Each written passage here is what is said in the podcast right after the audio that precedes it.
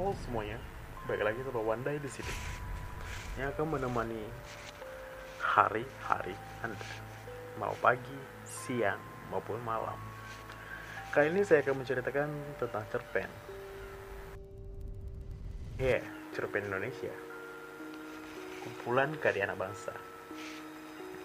Yang berjudul Teror Arwah Penasaran. Cerpen karangan dari Egi Fauzi Rahmat, kategori cerpen horor lolos moderasi pada tanggal 7, 18 Juli 2019. Oke, kita lanjut aja dalam ceritanya. Malam itu Raka sedang asik dengan laptopnya. Ia sedang membaca artikel untuk tugas sekolahnya. Ayah dan ibunya, juga adiknya, sudah tidur duluan karena waktu sudah menunjukkan jam 10 malam. Raka masih sibuk dengan tugas sekolahnya.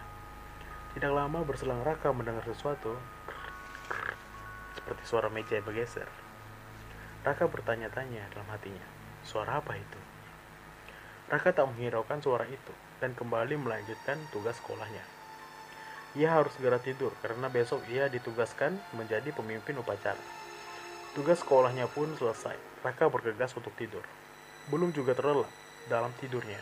Ia kembali dikejutkan dengan suara aneh. Raka pun terbangun kembali. Ayah, ibu, ucap Raka memanggil ayah dan ibunya. Tapi tak ada jawaban. Raka kembali menarik selimut dan melanjutkan tidurnya. Keesokan harinya, saat sarapan pagi, Ayah, ibu, apa semalam ayah dan ibu melakukan sesuatu? Tanya Raka kepada kedua orang tuanya. Tidak, kau kan tahu ayah dan ibu semalam tidur dari jam 8. Jawab ayahnya, sembari mengoleskan selai ke rotinya.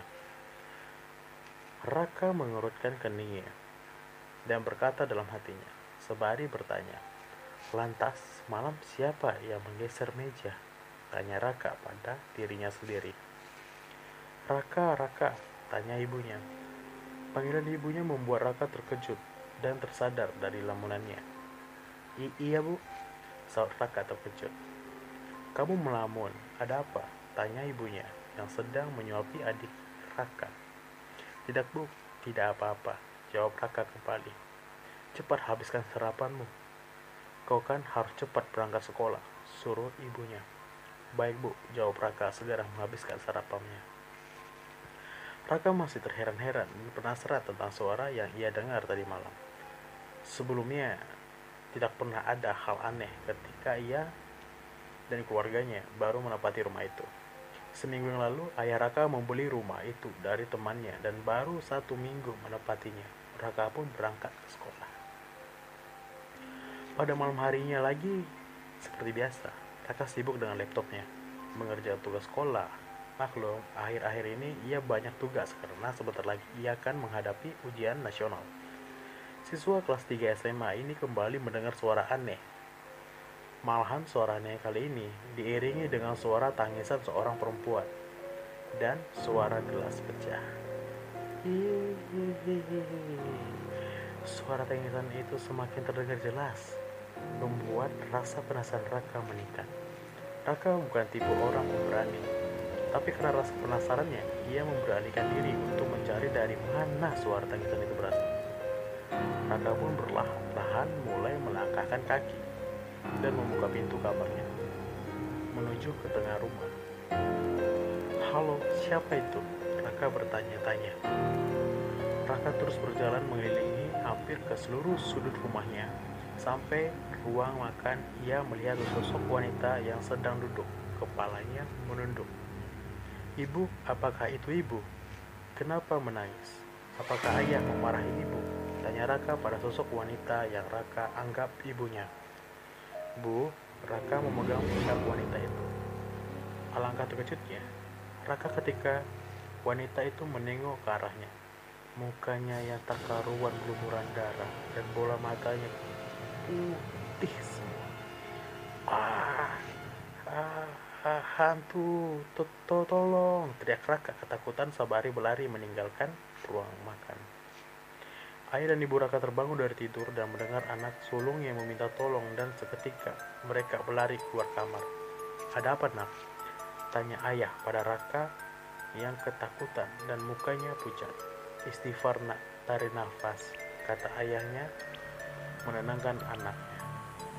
Astagfirullahaladzim, astagfirullahaladzim, astagfirullahaladzim, kata Raka. Nafasnya turun naik tak karuan dan badannya gemetaran. Eh Raka belum mau bertanya pada anaknya apa yang terjadi. Ayah ingin Raka tenang terlebih dahulu baru ia akan bertanya pada Raka apa yang sebenarnya dia alami. Raka terus beristighfar dan menarik nafas dalam-dalam. Dan lama-kelamaan ia bisa lebih tenang. Ada apa dengan dirimu nak? Kenapa kamu berteriak dan berlarian? Tanya ayah pada Raka.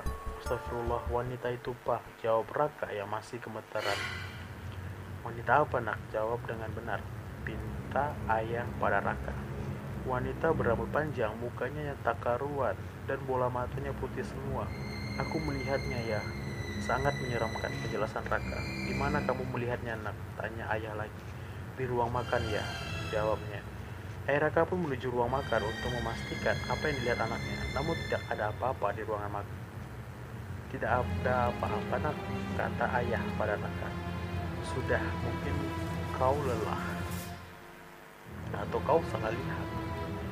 Kembali ke kamarmu, gak akan ada apa-apa. Berdoalah dulu sebelum tidur, suruh ayahnya.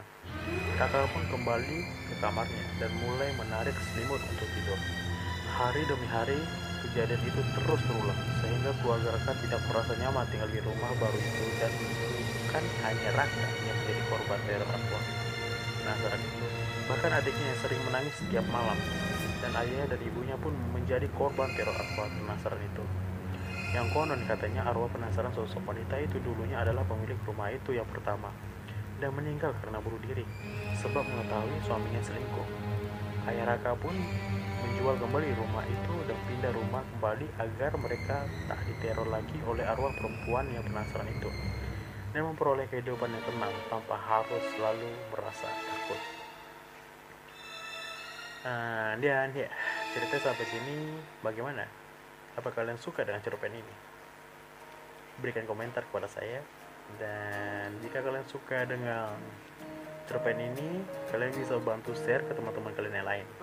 Dan saya juga ingin mengucapkan mohon maaf jika ada salah kata di sini. Dan dan ya, ini juga masih episode pertama yang saya buat awal cerita. Jadi saya ucapin terima kasih banyak buat kawan-kawan yang sudah mendengarkan dan tunggulah cerita-cerita yang baru pada esok hari. Dan see you. Meratapi Pedih luka di hati ini. Lihat aku